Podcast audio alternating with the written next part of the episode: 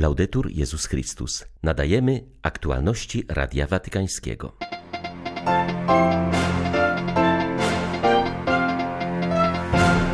W obliczu ujawnianych na Ukrainie rosyjskich zbrodni wojennych arcybiskup Szewczuk apeluje do świata, by nie odwracał wzroku.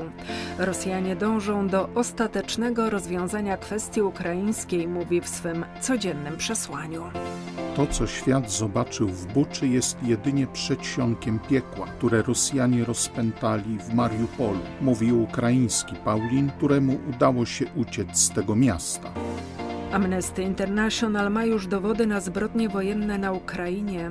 Wspólnota międzynarodowa musi zapewnić, że winni zostaną ukarani, mówi rzecznik tej organizacji. 5 kwietnia witają Państwa ksiądz Krzysztof Ołdakowski i Beata Zajączkowska. Zapraszamy na serwis informacyjny intencji modlitewnej na kwiecień papież Franciszek zachęca do wsparcia mężczyzn i kobiet, którzy poprzez swe zaangażowanie w służbie zdrowia ratują ludzkie życie. Wzywa także bogatsze kraje do udzielenia skutecznej pomocy krajom uboższym, aby mogły zapewnić swym mieszkańcom odpowiednią opiekę lekarską. Ojciec Święty uważa, że dostęp do leczenia należy do podstawowych praw człowieka. por el. W tym miesiącu módlmy się za pracowników służby zdrowia. Pandemia, która niestety nadal jest bardzo aktywna w wielu krajach, pokazała nam poświęcenie i ofiarność pracowników służby zdrowia, wolontariuszy, pracowników sanitarnych, księży, zakonników i zakonnic. Jednak pandemia ta pokazała również, że nie wszyscy mają dostęp do dobrego systemu zdrowia publicznego. Najbiedniejsze i najsłabsze kraje nie mają dostępu do leczenia, które jest niezbędne w przypadku wielu chorób, na które ludzie wciąż cierpią. Chciałbym jednak przypomnieć, że służba zdrowia to nie tylko organizacja, ale także mężczyźni i kobiety, którzy poświęcają swoje życie trosce o zdrowie innych i którzy podczas tej pandemii oddali swoje życie, aby pomóc tak wielu chorym w powrocie do zdrowia. Módlmy się, aby zaangażowanie pracowników służby zdrowia w opiekę nad chorymi osobami starszymi, zwłaszcza w krajach najuboższych, było wspierane przez rządy i społeczności lokalne.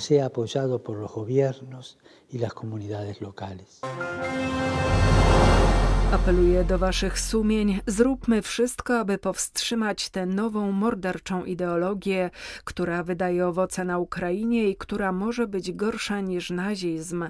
Ta ideologia wciąż czeka na swój norymberski proces, mówi arcybiskup Światosław Szewczuk w codziennym orędziu wojennym.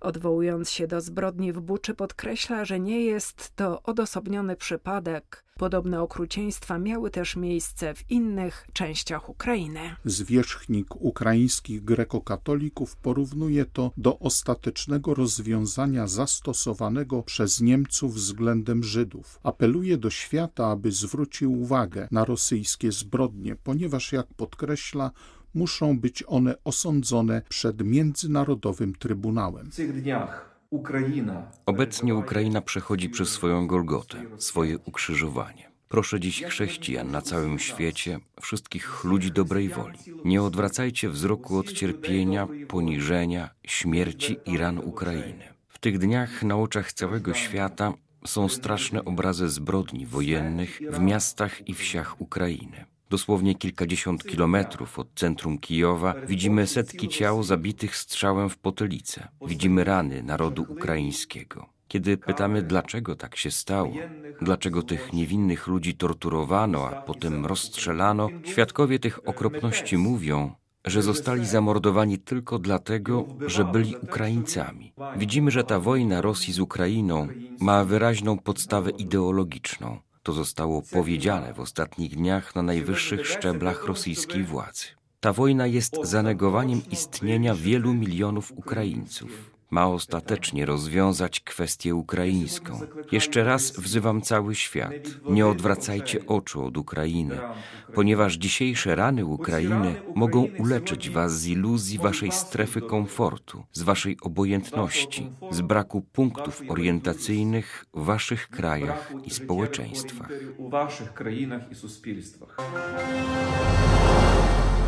Horror, który świat zobaczył w Buczy, jest jedynie przedsionkiem piekła, które Rosjanie rozpętali w Mariupolu. Na ulicach leżą góry zwłok, Rosjanie strzelają do cywilów, ludzie masowo umierają z głodu, mówi ojciec Paweł Tomaszewski.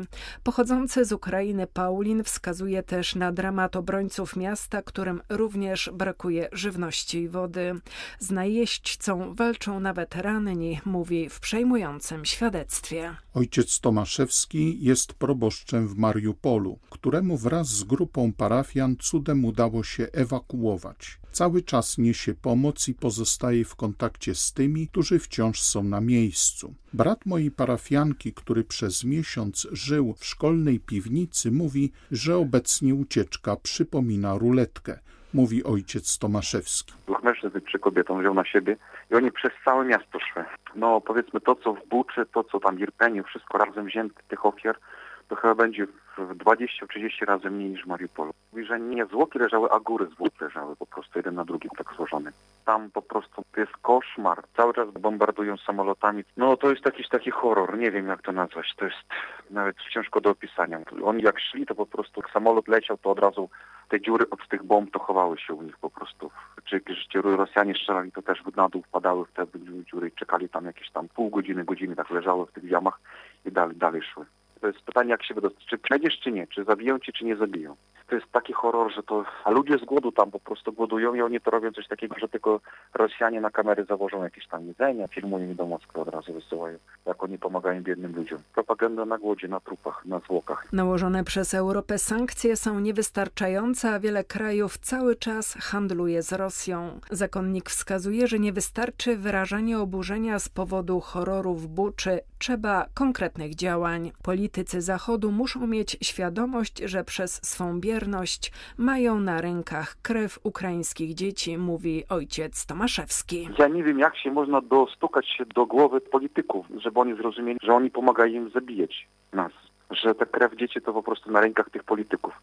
Więc to jest najstraszniejsze. Nie wiem, co będzie dalej. Bo rozmawiałem niedawno z żoną jednego ze straży granicznej, jak żołnierz zwykły. I on walczy w obronie. On po prostu cały czas odbijają te ataki Rosjan. To mówią, że po prostu nie mają nic w ogóle jeść. Chleba w ogóle nie mają, wody minimalnie tam zostało im. Mówią nawet, że ranni walczą. Ranni. Tam się dzieje straszne. Żołnierze są w tak ciężkiej sytuacji.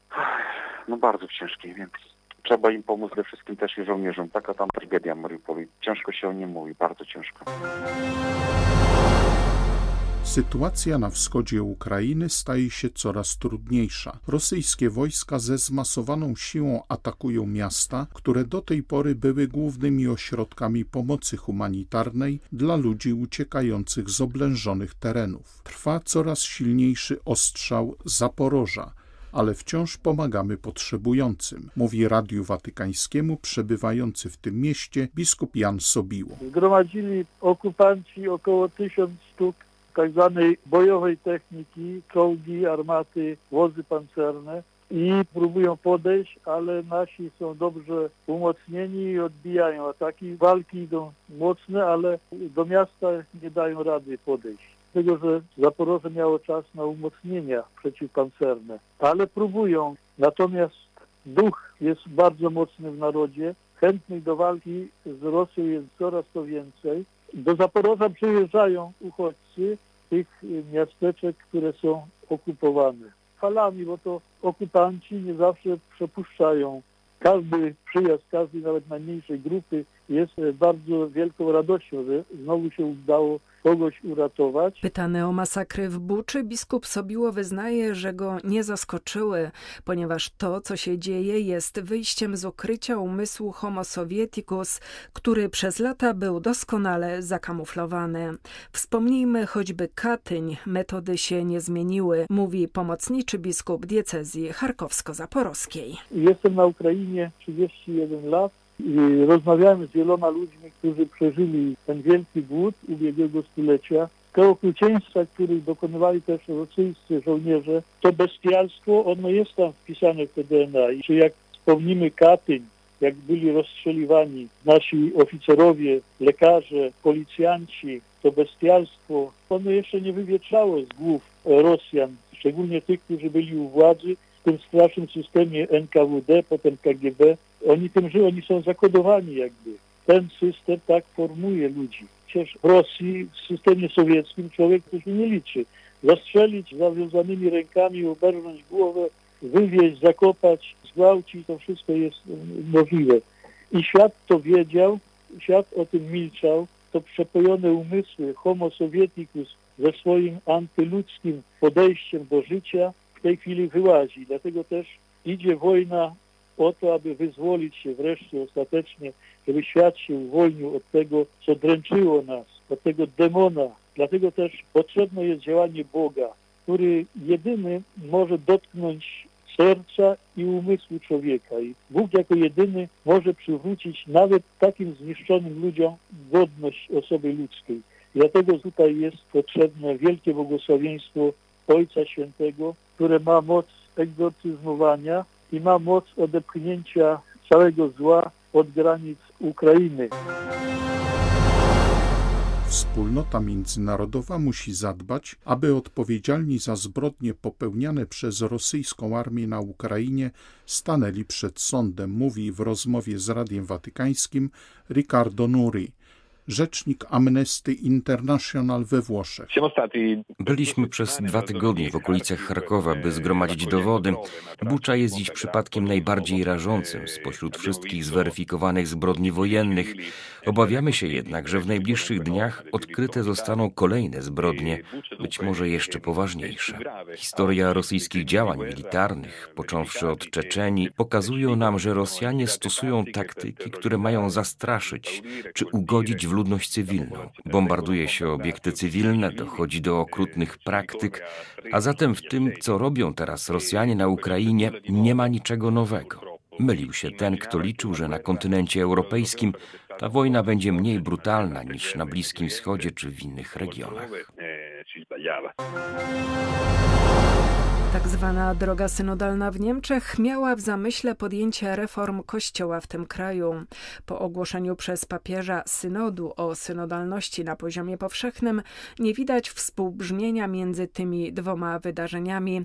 Taką opinię wyraził ksiądz Grzegorz Chojnacki z Uniwersytetu Szczecińskiego, obserwator tzw. Tak niemieckiej drogi synodalnej z ramienia Episkopatu Polski. Duchowny zauważa, że proces synodalny wyrażający się w słuchaniu całego Kościoła nie powinien prowadzić do legislacyjnej roli głosowania i nadawania decyzjom podejmowanym w ten sposób rangi nauki autentycznej, w oderwaniu od akceptacji ze strony papieża. To jest to, co papież przestrzegał niektóre episkopaty, czy też niektóre kościoły lokalne, żeby z synodu o synodalności nie stworzyć precedensu do parlamentaryzmu, a ma się wrażenie, że oprócz wysłuchania całego kościoła w Niemczech przez biskupów, drugim krokiem jest to, że, że się głosuje demokratycznie, 50-50, 50% to osoby świeckie, a 50% to biskupi, na temat bardzo ważnych rzeczy związanych z doktryną Kościoła, jeśli chodzi o wiarę i, i moralność. Jest pytanie, czy te głosowania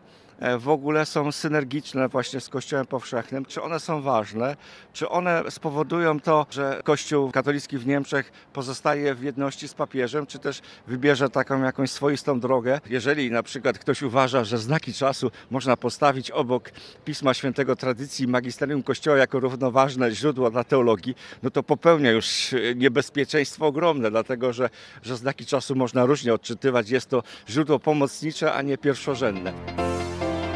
Były to aktualności Radia Watykańskiego. Laudetur Jezus Chrystus.